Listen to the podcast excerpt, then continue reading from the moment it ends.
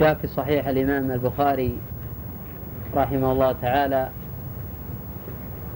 من طريق أيوب عن أبي قلابة عن مالك بن الحويرث أن النبي صلى الله عليه وسلم قال صلوا كما رأيتموني أصلي. فلا جديد في أحكام الصلاة. عما جاء في كتاب الله وعلى لسان رسول الله صلى الله عليه وسلم.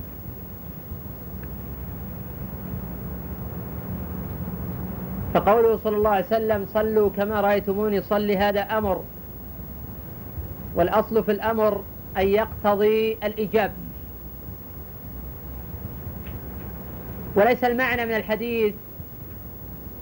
إيجاب جميع أقوال وحركات الصلاة. فهذا نأخذه من أدلة أخرى. المعنى من هذا الخبر ألا تبتدعوا في الصلاة.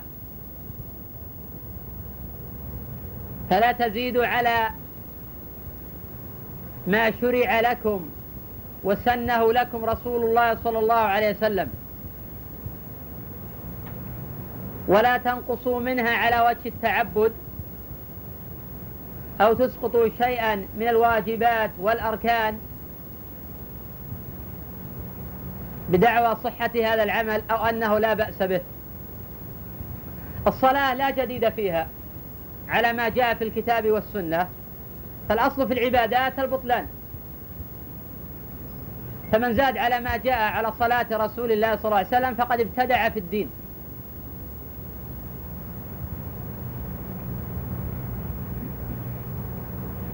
الله جل وعلا يقول ليبلوكم أيكم أحسن عملا.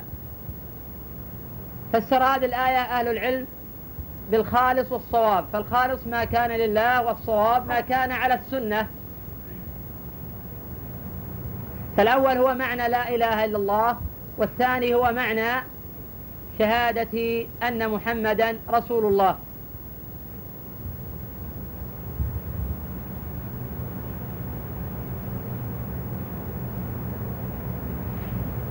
صفة صلاة رسول الله صلى الله عليه وسلم جاءت موضحة مفصلة في الأحاديث الصحيحة.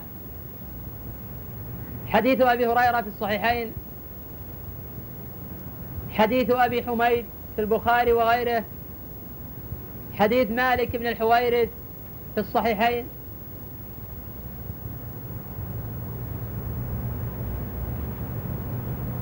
حديث وائل بن حجر جاء في مسلم وغيره. والأحاديث في صفة صلاة رسول الله صلى الله عليه وسلم متواترة.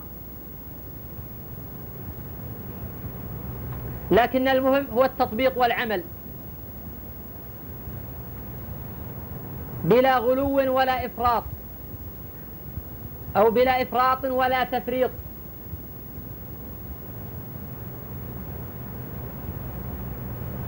في بعض أفعال الصلاة أمور اتفق عليها أهل العلم. وفي بعضها أمور اتفق عليها أهل العلم واختلفوا في كيفية تطبيقها. وفي بعضها أمور اختلفوا فيها بناء على ورود خبر أو على صحته من ضعفه أو على فهمه. كالنهوض هل هو على اليدين أم على الركبتين؟ وكالقيام هل هو يعتمد على ركبتيه أم على يديه؟ لكن في مسائل اتفق عليها السلف وجاء بها الخلف ولا أصل لها عن السلف.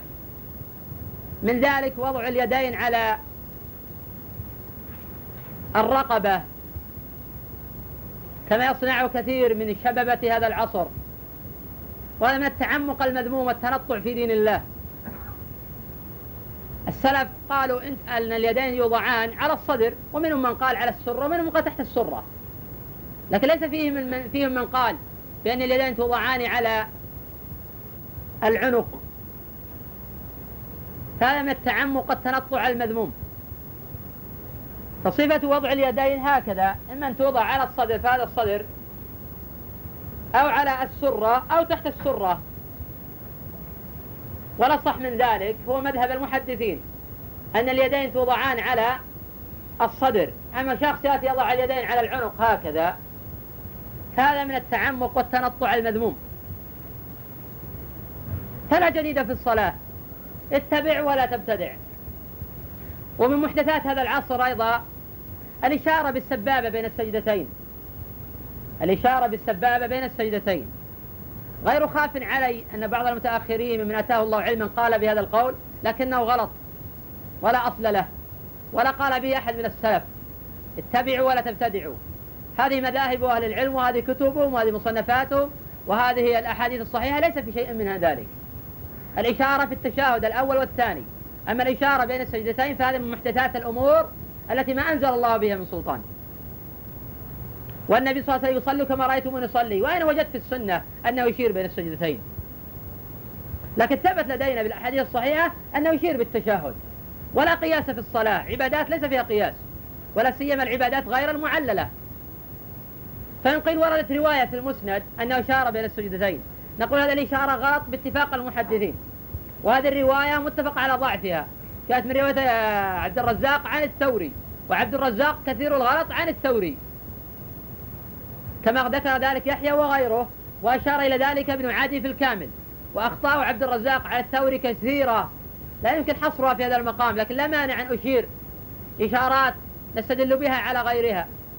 أفننقضه حديث مسلم أفننقضه غسل الجنابة والحيضة.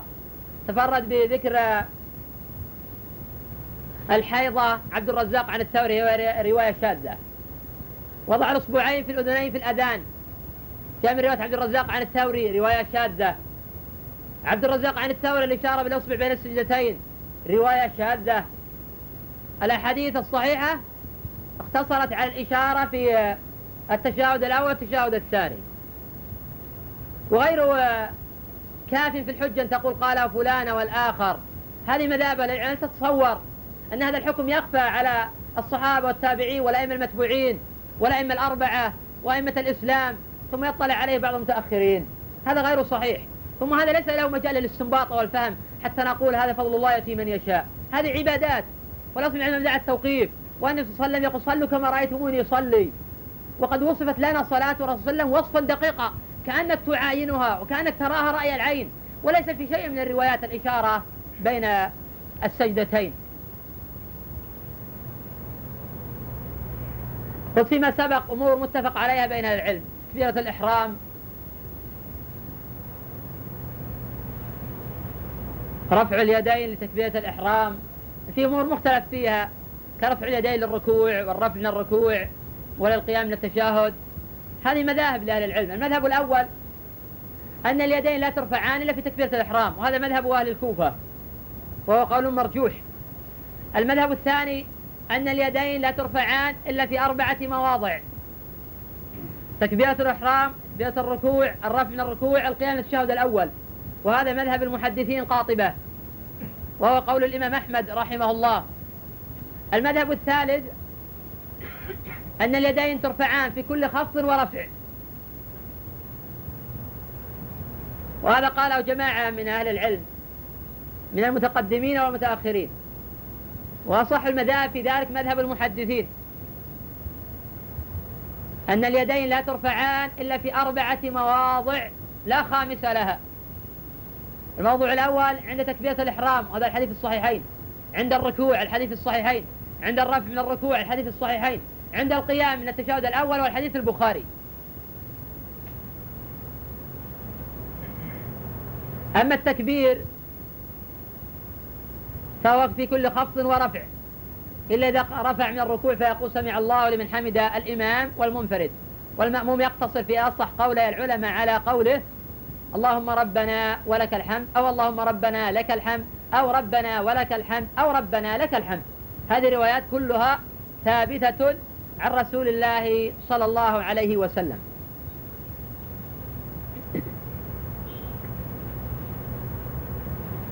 الهوي إلى السجود. قيل يقدم يديه على ركبتيه. هذا من المواطن التي اختلف فيها أهل العلم. الهوي متفق عليه لكن هل يهوي بيديه قبل ركبتيه أو بركبتيه قبل يديه؟ كذلك ثلاثة مذاهب لأهل العلم. المذهب الأول أنه يهوي بيديه قبل ركبتيه. لما روى أهل السنن وغيرهم من رواية عبد العزيز بن محمد الدراوردي عن محمد بن الحسن عن أبي الزناد عن الأعرج عن أبي هريرة. أن النبي صلى الله عليه وسلم قال إذا سجد أحدكم فلا يبرك كما يبرك البعير وليضع يديه قبل ركبتيه. وليضع يديه قبل ركبتيه.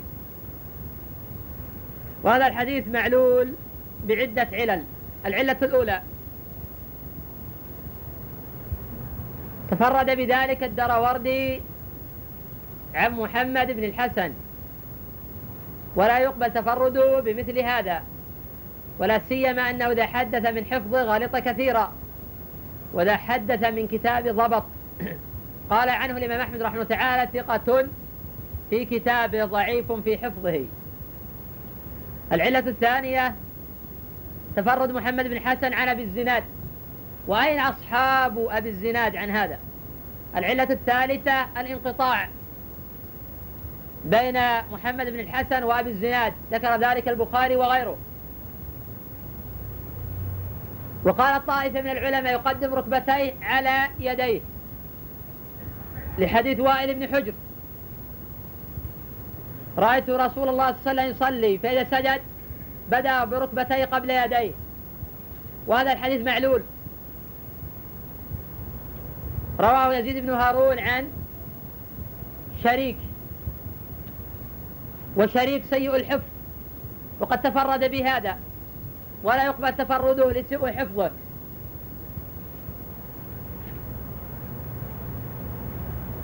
المذهب الثالث أنه مخير. إن شاء قدم يدين إن شاء قدم ركبتين يفعل ما هو الأرفق فيه. ولكن إذا نزل على يديه فلا يتشبه بالبهائم وإذا نزل على ركبتيه فلا يلقي بثقله فيكون الأرض منه وئيد. وقد ثبت عن عمر رضي الله عنه أنه كان يقدم ركبتيه رواه ابن أبي شيبة في المصنف. وثبت عن ابن عمر أنه يقدم يديه. فالخلاف كما تسمعون موجود حتى بين الصحابة رضي الله عنهم. فمن قدم ركبتيه فقد اقتدى بأمير المؤمنين عمر رضي الله عنه. وحسبك به قدوة.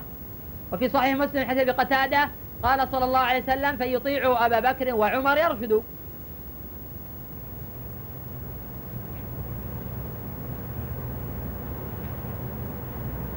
ومن قدم يديه على ركبتيه فقد اقتدى بابن أمير المؤمنين عبد الله بن عمر رضي الله عنهما. طبعا من رأى صحة أحد الحديثين السابقين هذا لا إشكال فيه سوف يذهب إليه. ومن رأى ضعفهما معا فالأمر في حقه واسع فيفعل ما هو الأرفق فيه. إذا لا حجر في هذه المسألة. ولا وجه للتصنيف المصنفات الكثيرة في هذا المقام والتشريع على من لا يرى رأيك. أنت من حقك أن تعرض الرأيين ومن حقك أن ترجح ما تراه راجحا لكن ليس من حقك. أن تهجم على الآخرين وأن تتهم عقولهم وعلومهم أو تتهمهم آه، بعدم متابعة السنة وبعدم العمل بها. هذا جهل عظيم بليت بها الأمة. حين عزف الكثير عن العمل وركنوا إلى القول دون العمل فرضوا من القول بالتقرير دون العمل والتطبيق العملي فالإنسان إذا علم مسألة ظن أن العلم كله في هذه المسألة فبدأ يصول ويجول في العلم كأنه ابن تيمية أو كأنه الإمام أحمد.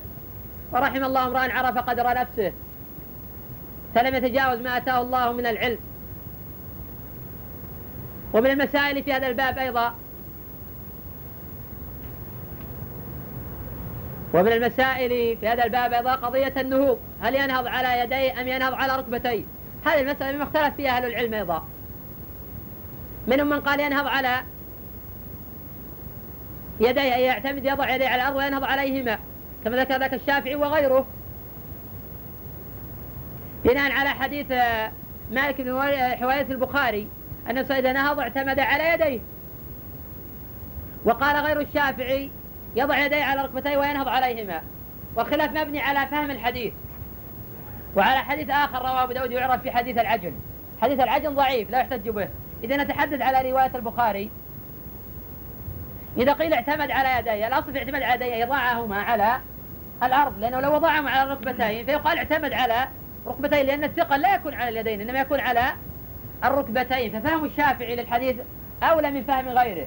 فإذا أراد ينهض يضع يديه على الأرض ثم ينهض عليهما. مسألة ثالثة جلسة الاستراحة وهي في الأفراد من الصلاة. إذا نهض من الأولى للثانية ومن الثالثة للرابعة. هي لا ذكر فيها باتفاق أهل العلم. جاء في البخاري. من طريق أيوب عن أبي قلابة عن مالك بن الحويرث.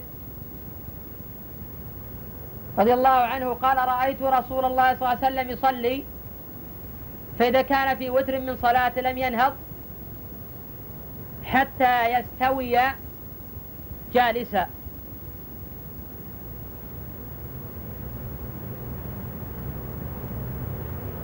قبل أن نذكر موطن التكبير هل هو إذا استوى جالسا أم إذا أراد أن ينهض؟ وهل يفعلها المأموم دون الإمام؟ نتحدث عن قضية حكم جلسة الاستراحة. الحديث هنا نص في البخاري أن النبي صلى الله عليه وسلم فعل ذلك. فمن العلماء من قال فعل النبي صلى الله عليه وسلم هذا حين كبر وتقدمت به السن. وهذا اختيار شيخي الإسلام ابن تيمية وابن القيم عليهما رحمة الله. ولم يذكر دليلا على ذلك.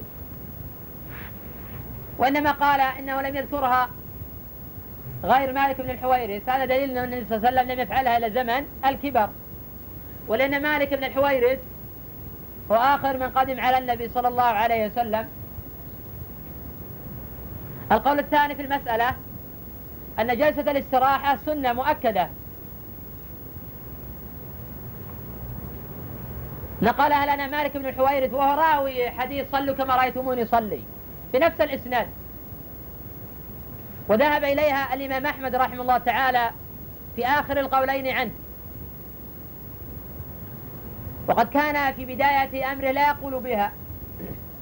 وبعد ذلك تبين له أن السنة العمل بجلسة الاستراحة فذهب إلى ذلك. وهذا مذهب الإمام الشافعي رحمه الله. ونصر ذلك أصحابه ولا سيما النووي رحمه الله في المجموع. فقد ذكر هذه المسألة ورجح العمل بها. لأن السنة دلت على ذلك. وقد جاء جلسة الاستراحة أيضا في حديث أبي حميد عند أبي داود. وفي زيادة نظر وجاءت جلسة الاستراحة أيضا في البخاري. في حديث أبي هريرة في قصة المسيء صلاته. غير أن هذه الرواية فيها شذوذ.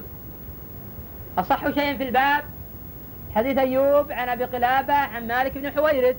قال رأيت رسول الله صلى الله عليه وسلم يصلي فإذا كان في وتر من صلاة لم ينهض حتى يستوي جالسا.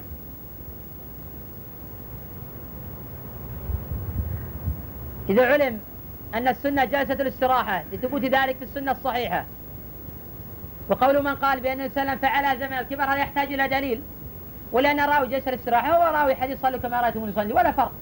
إذ يلزم من القول بأنه فعله وقت الكبر أن يصلي كما تصلي وقت الكبر. قال بعض الفقهاء يكبر حين الجلوس. فإن كان إماما يتابعه المأمومون فيكبرون ويجلسون. فإذا نهض نهضوا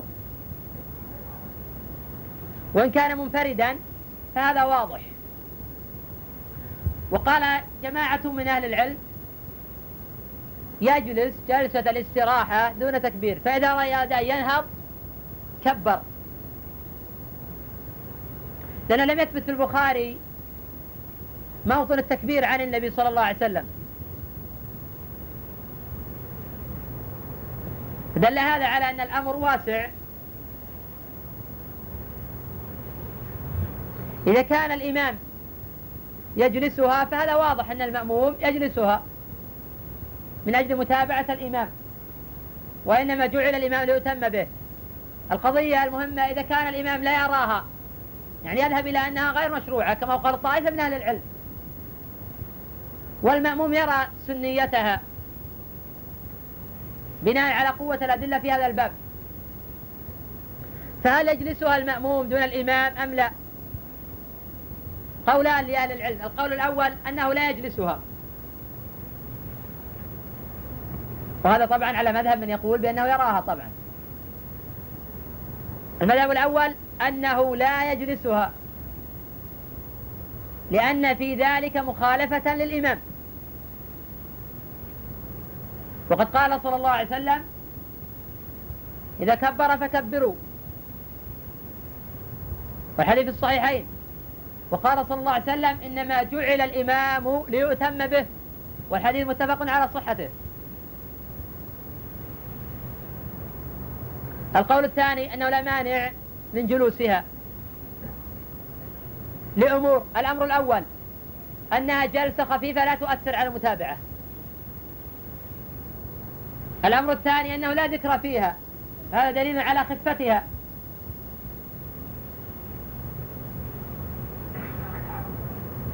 الأمر الثالث أن لا تؤثر على المتابعة كما لو لم يرفع الإمام يديه في تكبيرة الإحرام أو في الركوع فلا يمتنع المأموم من رفع اليدين. قد يقول قائل أن رفع اليدين ليس في مخالفة. ليس في أن هذا قائم وهذا جالس كلاهما في مقام واحد. كما لو تورك المأموم دون الإمام أو الإمام دون المأموم. لا يقتضي ذلك مخالفة بخلاف جلسة الاستراحة. هذا يقوم وهذا يجلس. ولكن يقال أن الجلسة خفيفة غير مؤثرة على المتابعة أصلا. فهذه بعض المسائل المتعلقة ببعض أحكام الصلاة من المسائل الخلافية والمقصود التنبيه على أنه لا جديد في الصلاة. لا جديد في الصلاة. والله أعلم. نعم. هل القياس في العبادات لا يجوز مطلقا؟ العبادات التي ما عللت نعم يمتنع فيها القياس مطلقا وهذا لا خلاف في بين العلم. كل عبادة غير معللة فلا يصح القياس فيها إنما يصح القياس في العبادات المعللة ما لم يمنع من صحة القياس مانع آخر. نعلم أن أركان القياس أربعة. آه الأصل الركن الأول الركن الثاني الفرع الركن الثالث آه العلة الجامعة بين الأصل والفرع. الأمر الرابع آه الحكم. إذا كانت العلة واضحة فلا مانع من القياس ما لم يمنع من ذلك مانع. شرط تتوفر شروط القياس وتنتفي آه الموانع. مجال غيرك نعم. التورك صفات هذه نعم. التورك لهم صفات هذه نعم له ثلاث صفات. يمكن معرفتها عن طريق التطبيق العملي تجد الصفات في صحيح الإمام مسلم. نعم. بالنسبة لجلسة الاستراحة الإنسان ينوع فيها يعني ترى يجلس على اليسرى وترى يجلس على العقبة والله الأصح في جلسة الصراحة كجلوسه بين السجدتين. كجلوسه بين السجدتين. يفرش اليسرى ويجلس عليها وينصب اليمنى. جلس مقعيا بناء على حديث ابن عباس وأن الإقعاء مشروع بين السجدتين فهذا قد يقال به.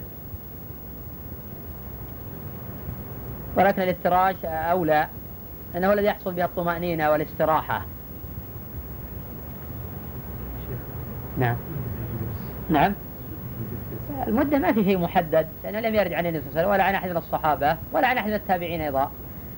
لتحديد المدة. لكن هي جلسة خفيفة نعلم خفتها من آه، عدم ورود دليل يوضح آه، ذكرا فيها ونحو ذلك. بما أنه ما فيها ذكر هذه علنا خفيفة. المهم ألا يهملها ولا يدعها. هذه سنة ثابتة عن رسول الله صلى الله عليه وسلم. بالنسبة للسلام يسلم أولا ثم يحرك رأسه أم السلام يكون مع الحركة؟ لا يبدأ أولا بالسلام. السلام هو هو الركن على القول الركن وعلى القول الواجب هو الواجب. والالتفات سنة ليس بواجب. فيبدأ بالسلام قبل الحركة لأنه لا يكره يلتفت قبل أن يسلم. يكره يقول هكذا ملتفتا قبل أن يسلم. الالتفات الصلاة اختلاس يختلس الشيطان صلاة العبد كما في البخاري من حديث عائشة رضي الله عنها. فالسنة يبدأ بالسلام السلام عليكم ورحمة الله ثم يشرع بالالتفات. نعم. الأخ يسأل عن سكتات الصلاة. النبي صلى الله عليه وسلم إذا كبر تكبيرة الإحرام سكت هنيها ليستفتح. وكان يسكت النبي صلى الله عليه وسلم ليتراد إلى نفسه. إذا فرغ من الفاتحة سكت ليتراد إلى نفسه ثم يقرأ السورة الأخرى. أما ما يفعل الآن الكثير يسكتون بعد الفرغ من الفاتحة ليقرأ المأموم فهذا لا دليل عليه. في حديث سمرة وفيه اضطراب ولا يصح. نعم.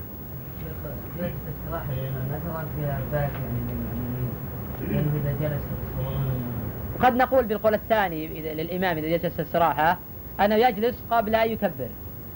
ثم إذا أراد ينهض كبر فيكون قد جمع بين مصلحتين مراعاة مصلحة المأمومين حتى لا يختلفوا عليه والعمل بهذه السنة الثابتة. نعم. شيخ هل اجتناب النجاسة شرط شروط الصلاة أم واجب؟ الأخ يسأل عن حكم اجتناب النجاسة.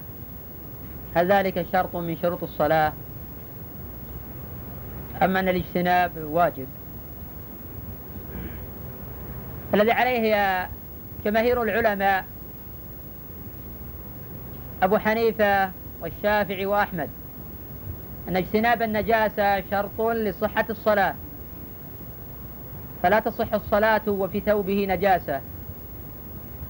ولا تصح صلاته وهو يحمل نجاسة. أو لم يزل النجاسة من بدنه. أو صلى في ثوب نجس أو سجد على موطن نجاسة الجمهور يبطلون الصلاة في هذه الحالات ويجعلون إزالة النجاسة شرطا لصحة الصلاة. ذهب الإمام مالك رحمه الله تعالى إلى أن إزالة النجاسة واجبة وليست بشرط. وهذا اختيار الشوكاني رحمه الله تعالى. أن لم يثبت في الشرطية دليل. وإن كان قد يقال إن إزالة النجاسة من الفرجين شرط لصحة الصلاة بينما إزالة النجاسة من الثوب والبدن والبقعة واجبة وليست بشرط وهذا أقرب. لأن لم يثبت دليل عن النبي صلى الله عليه وسلم في الشرطية. وأما قوله جل وعلا وثيابك فطهر هذا أمر يدل على الإجاب ليس في دليل على الشرطية. وكون النبي صلى الله عليه وسلم خلعنا لا عليه في الصلاة هذا دليل على الإجاب وليس في دليل على الشرطية. نعم. هل يمكن سجود السهو للسنة القولية؟ ممكن إذا ترك واجبا يسجد السهو قولا أو فعلا. أما إذا ترك سنة قولية أو فعلية فلا سهو في ذلك. نعم. الصلاة كانت سنة القضية سنة هل يقطع؟ إذا ماذا؟ أعيد السؤال. إذا أقيمت الصلاة صلاة الفرد يعني. إيه نعم. هو يشرع في النافلة؟ قد شرع في النافلة. أو سنة. نعم. الأخ يقول إذا أقيمت الفريضة وهو يصلي نافلة هل يقطع النافلة أم يتمها خفيفة؟ في ذلك ثلاثة مذاهب لأهل العلم. المذهب الأول أنه يقطعها. واستدلوا بحديث إذا أقيمت الصلاة فلا صلاة إلا المكتوبة رواه مسلم وغيره. المذهب الثاني أنه يتمها خفيفة ولا يقطعها. واستدلوا بقوله تعالى ولا تبطلوا أعمالكم. القول الثالث التفصيل أنه كان في بدايتها فيقطعها وإن كان في نهايتها فتم خفيفة ولا يقطعها. والأظهر والعلم عند الله أنه لا يقطعها مطلقا ما لم يخش فوات الركعة. الأظهر والعلم عند الله أنه لا يقطعها مطلقا ما لم يخش فوات الركعة. وأما قوله صلى الله عليه وسلم إذا أقيمت الصلاة فلا صلاة إلا المكتوبة فإذا ظرف لما يستقبل من الزمن وليست لما مضى من الزمن. إذ لما مضى من الزمن أما إذا لما يستقبل من الزمن. إذا أقيمت الصلاة أي وأنتم تصلون. إذا أقيمت الصلاة فلا صلاة أي فلا تنشئوا صلاة وليس المعنى وأنتم تصلون. إذا أقيمت الصلاة فلا صلاة المكتوبة أي فلا تنشئوا صلاة مع وجود المكتوبة. وليس المعنى إذا قيمت الصلاة وأنتم تصلون فلا صلاة المكتوبة. هذا في نظر والدليل على ذلك أن الرجل الذي آه، آه، شرع في الصلاة بعدما قيمت الصلاة لم يأمر النبي بالقطع إنما أنكر عليه. إذا ما أمر بالقطع وقد أنشأ الصلاة بعد إقامة الفريضة فما بالك بمن أنشأ الصلاة قبل إقامة الفريضة؟ فحينئذ يتم خفيفة في قول العلماء ولا سيما الحنابلة أنه يصلي ركعة يسلم من ركعة. إذا كان من النهار يجوز يسلم ركعة. هذا قول لطائفة من فقهاء الحنابلة. ولكن لا نستدل بقوله تعالى ولا تبطل أعمالكم هذه الآية في الشرك وليست في مثل هذه المسائل. وعلى كل هذه مذاهب أهل العلم وهذه أقوالهم فمن رأى قولا راجحا فيجب عليه أن يذهب إلى قول الراجح دون أن يقلد أحدا. ما لم يعجز الأمر عن معرفة الراجح المرجوح فلا بأس أن يقلد غيره. فالذي يظهر العلم عند الله أنه لا يقطع ويتم خفيفا ما لم يخشى فوات آه، الركعة. نعم. استعمال الذهب والفضة في غير الشرب. الأخ يسأل عن حكم استعمال الذهب والفضة في غير الشرب والأكل. لأن استعمال الذهب والفضة في الشرب والأكل محرم كما هو قول الجمهور وكما دلت على ذلك الأحاديث الصحيحة. أما الفضة فيجوز استعمالها مطلقا. في غير الأكل والشرب. وضوءا أقلاما أو غير ذلك. لقول صلى الله عليه وسلم وأما الفضة فالعبوا بها لعبا. رواه أبو داود وغيره ولا بأس في إسناده فهو في إباحة استعمال الفضة في حق الرجال. ولم يرد دليل بمنع استعمال الفضة على الرجال والأصل الجواز. أما الذهب فالنبي صلى الله عليه وسلم حرم لبسهما على الرجال أما الذهب فقد حرم لبسه على الرجال أما الذهب فقد حرم النبي صلى الله عليه وسلم لبسه على الرجال. وحين ذكر النبي صلى الله عليه وسلم الذهب والحرير قال هذان حلالان لإناث أمتي حرام على ذكورها. وما ومنع النبي صلى الله عليه وسلم من لبس الخاتم من ذهب وعرفج حين قطع أنفه. أمر يتخذ أنفا من ورق أي فضة فحين أنتن أمر يتخذ أنفا من ذهب. معلوم الذهب آه، أفضل بكثير من الفضة ولكن النبي صلى الله عليه وسلم يأمر بالذهب ابتداء لأن الأصل المنع فيه. هذا الحديث مختلف في صحته رواه أبو داود وغيره منهم من عله بالإرسال. فالذي عموما الذي يظهر في المسألة منع الذهب في حق الرجال مطلقا وجواز الفضة في حق الرجال مطلقا. أما في حق النساء فالكل جائز. إلا الأكل والشرب فيمتنع مطلقا. أما المطلي بذهب فإن كان مقطعا كان ذهب مقطعا أو مطليا بشيء خفيف فلا بأس باستعماله للرجال. لأن وسلم أذن بالذهب المقطع للرجال. كما روى ذاك ابو داود وغيره وفي حديث معاوية أما إذا كان شيئا كثيرا أو أدى إلى التخنث والتميع أو مشابهة الكفار فيمتنع. والله أعلم. نعم. الأخ يسأل عن حكم الصلاة خلف الفاسق. قال فقهاء الحنابلة كما في الزاد أي زاد المستقنع ولا تصح الصلاة خلف فاسق ككافر. وهذا غلو في القول. فجعل الصلاة خلف الفاسق كجعلها خلف الكافر هذا غلو.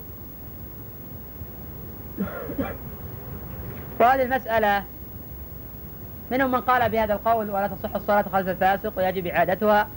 وهذا ضعيف ولا دليل عليه. ولأن الفاسق تصح صلاته بنفسه فحينئذ تصح صلاته بغيره. ولأن الصحابة رضي الله عنهم كانوا يصلون خلف أئمة الجور وكانوا فسقة. وإن كان بعض العلماء يقول هذا في أمراء وأئمة المسلمين وليس في عامتهم وقد يقول قائل أنه لا فرق بما أن الصلاة صحت خلف هذا صح خلف هذا. يعني ليس لها جهتان بالنسبة للإمامة جهة واحدة. ولهذا قول الثاني في المسألة ورأي ابن تيمية أن الإنسان لا يصلي خلف الفاسق ولكن لو صلى صحت صلاته وهذا الصحيح. حديث عند أبي داود حديث السائب حين الرجل اللي بصق في القبلة قال النبي صلى الله عليه وسلم لا يصلي بكم فمنعه من الصلاة بهم. والحديث مشهور رواه أبو داود وغيره ولكن لو صلى بهم صحت صلاتهم. ابتداء لا نصلي وراءه ولا نمكن من الصلاة لكن لو صلى بنا وصلينا خلفه صحت صلاتنا ولا نؤمر بالإعادة. الله أعلم. نعم. يصلي ويقدم رجلا رجلا يمينا ويسارا. وأحيانا يأكل أو يقلم اظافره ويعني يعدل شماغه أو قدرته. بكثره والمشاء يعني الذي يكون عن يمينه أو يساره أو خلفه ينشغل به. ولما تراه كأنه ليس في صلاة. صحيح هذا يكثر فينا. نسأل الله يتوب علينا ويتجاوز عن سيئاتنا. حركة في الصلاة حركة في الصلاة أقسام. القسم الأول مبطلة للصلاة كي يلتفت بصدره عن القبلة. النوع الثاني حركة واجبة كالركوع والسجود. النوع الثالث حركة مستحبة كرفع اليدين في التكبير هذه حركة مستحبة. النوع الرابع حركة مكروهة ككثرة العبد وكتقديم رجل وتأخير الأخرى بدون مبرر. وكالانحراف اليسير وكاللعب بالساعة أو بالمشلح أو بالشماغة والغترة أو غير ذلك. هذه حركة مكروهة. وقد يزيد أمرها فتصل إلى المحرم. وبعض الفقهاء يشدد في هذه الحركات يقول تحرك ثلاث حركات في الصلاة بطلت صلاته. وهذا في نظر. الجملة هذا النوع من أنواع الحركة مكروه يجب اجتناب والبعد أو يستحب اجتناب والبعد عنه لأنه قد يكثر فيذهب حينئذ خشوعه. والأصل صار يقبل الأصل في موسى يقبل على صلاته. كما قال أبو الدرداء رضي الله عنه والخبر في البخاري معلقا من فقه الرجل أن يقبل على الصلاة وقلبه فارغ. والله أعلم. يكفي هذا. تحية المسجد نافلة يعني أوقع نافلة قبل على يعني يكون من الأولى أن هو يلتحق بالصف الأول. يعني كثرة النزاف فيه؟ ما يأثر هذا. شو الفائدة من الحكم هذا؟ ممكن إذا وجد فرجة بلا شك أن يتقدم. يسد الفرجة ويتقدم ويأخذ الفضل بالتقدم. يعني ما يعني يكون قد يعد الصف الأول يعني. نعم. أقول الحكم بالصف الأول أليس أفضل من؟ لا. إكمال ما شرع فيه أولى من التقدم.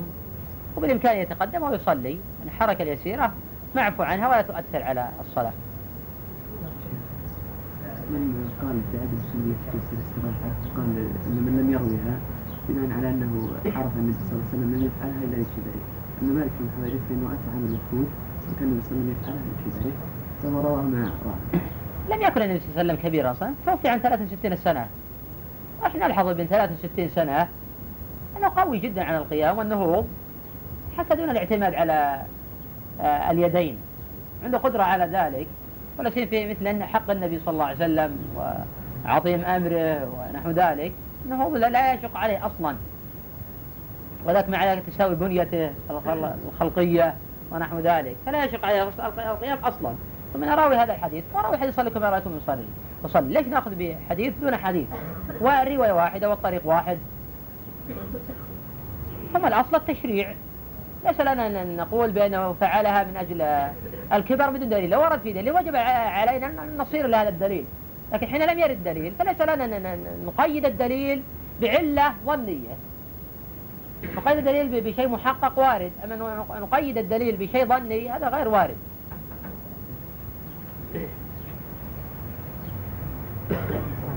السلام لم يقل كما في قول إني قد بدلت هذا واضح جدا نعم. لأن أيضا الأصل التشريع الأصل التشريع لو كانت هذه خاصة لا بين النبي ذلك. حين قال النبي صلى الله عليه وسلم صلاة القائد على صلاة القائم عبد الله بن عمرو العاص روى هذا الحديث فرأى النبي صلى الله عليه وسلم يصلي جالسا. فوضعت يدي على رأسه فقلت يا رسول الله صلي جالس فقد قلت ما قلت. قال أنا لست كهيئتكم. بين النبي صلى الله عليه وسلم أنه ليس كهيئتنا. وبين النبي صلى الله عليه وسلم أن هذا خاص به وأنه ينال الأجر كامل وإن صلى جالسا بخلاف غيره. والحديث صحيح اليوم مسلم. وأيضا لا ينبغي أن نخرج على القاعدة الأصولية إلا بأدلة. القاعدة الأصولية الأولى أن الخصوصية لا تثبت إلا بدليل. القاعدة الأصولية الثانية أنه لا يصح تقييد الحديث إلا بحديث آخر أو علة مذكورة في الحديث تقتضي التقييد. الأمر الثالث من القاعدة الأصولية أن الأصل الأخذ بالعموم. العلة الرابعة أن الأصل التشريع. فهذه أربعة أمور لا ليس لنا أن نخرج عن واحدة منها إلا بأدلة أما كون شخص يأتي يقول هذا لأجل الكبر وما دليل لأجل الكبر. وإن أعلم أن النبي توفي عن 63 عاما. مثل هذا لا يشق عليه ينهض. ليس بشرط يجلس نعم. خصوصية هل تنسى؟ نعم. خصوصية. ما تقبل الناس؟ لا ما تقبل الناس خاص به ما ينسخ في حقه. والنبي صلى الله عليه وسلم في حديث ابن عباس جمع النبي صلى الله عليه وسلم في حضر من غير سفر ما هذا في مسلم هذا. طريقة بالزبير عن سعيد بن جبير عن ابن عباس. النبي صلى الله عليه وسلم صلى بالمدينة سمع ثمان من غير خوف ولا مرض في رواية ولا مطر. وهذا للعذر لما قال سعيد بن جبير حين سأله أبو زهير ما لماذا جمع قال سألتني عما سألت عنه ابن عباس فقال أراد أن لا يحرج أمته فإذا كان بترك الجمع مشقة فيجمع بين الصلاتين ولا في الأصل عدمه في الحضر لأن الله جل وعلا يقول إن الصلاة كانت على المؤمنين كتابا موقوتا أي مفروضا في الأوقات. فالأصل تؤدي كل صلاة في وقتها حتى قال الترمذي وغيره من أهل العلم وأشار هذا القضية شيخ حسان في الفتاوى بأن الجمع بين الصلاتين بدون العذر من الكبائر في حق المقيم. وأما في حق المسافر فإن جد بسير يجمع جمع تأخير وإن كان نازلا فيصلي الأولى في وقتها ويرتحل وإن جمع جمع تقديم لأنه الأرفق فيه فلا بأس بذلك. فعلم من حديث ابن عباس الوارد صحيح مسلم أنه للعذر. إذا كان ترك الجمع مشقة فيجمع. ما في مشقة لا يجوز الجمع. ولا وأيضا من السنة يقول ألا صلوا في الرحال حيث صلى الأولى في وقتها والثاني إذا اشتد بهم مطر أو غير ذلك يقول ألا صلوا في الرحال في الحضر والسفر. نعم. وقد حديث الشيخ تزويج الوالدين حب ولدهما في سنن داوود نعم ضعيف الحديث منكر كل طرق الشيخ رواياته كل طرق ضعيفة ليست بكثير الطرق لكنه كله ضعيف. بالنسبة للنفخ في السجود هل يكون في صلاة الكسوف فقط؟ نعم. النفخ في السجود. للحاجة النفخ ليس خاصا بصلاة الكسوف إنما للحاجة. بعض الفقهاء يكره وبعض العلماء يبطل به الصلاة. يعتبره كلاما. تحديد ذكر الركوع لأنه ثلاث جاء فعلا يعني ليس قولا. والمقصود بالركوع تعظيم الرب جل وعلا. حديث ابن عباس في مسلم أما الركوع فعظموا فيه الرب. وأما السجود فاجتهدوا فيه في الدعاء فقاموا حري أن يستجاب لكم. سواء قال سبحان ربي العظيم أو سبوا قدوس رب الملائكة والروح أو سبحان الجبروت والملكوت والعظمة والكبرياء أو سبحانك اللهم ربنا وحمدك اللهم اغفر لي لحديث عائشة الصحيحين أو غير ذلك من الأشياء المقتضية تعظيم جناب الرب جل وعلا. نعم. قبل الصلاة. ورد حديث آه، كعب بن عجرة. يتوضأ احدكم فخرج إلى الصلاه فلا يشبكن بين اصابعه فإنه في صلاة. جاء هذا الحديث أيضا ابي سعيد حديث أبي هريرة فيه اضطراب الحديث ولا يصح. والاحاديث الواردة في النهي عن التشبيك. كلها معلولة. ولا يصح منها شيء عن رسول الله صلى الله عليه وسلم. ذكر ذلك الإمام البخاري ومالك وغيرهما من أهل العلم. وحينئذ ليس في النهي عن التشبيك دليل. ولكن كره ابن عمر التشبيك داخل الصلاة. رواه عنه أبو داود بسند قوي حيث هو يصلي. أما قبل الصلاة فلا مانع من ذلك ما لم يقتضي عبثا وقد ثبت في الصحيحين وغيرهما أن النبي صلى الله عليه وسلم قام إلى خشب معروضة في المسجد وشبك بين أصابعه. هذا دليل على جواز التشبيك. بعض العلماء قال هذا دليل على جواز بعد الصلاة. أقول لا فرق لا يزال في الصلاة منتظر الصلاة. ولا سيما الحديث الأخرى كلها معلولة لا يصح منها شيء ولا يصح احتجاج بها. لا ما ينكر عليه. تنكر عليه بدون دليل. الحديث الواردة ضعيفة كلها. تنكر عليه كان في دليل المسألة.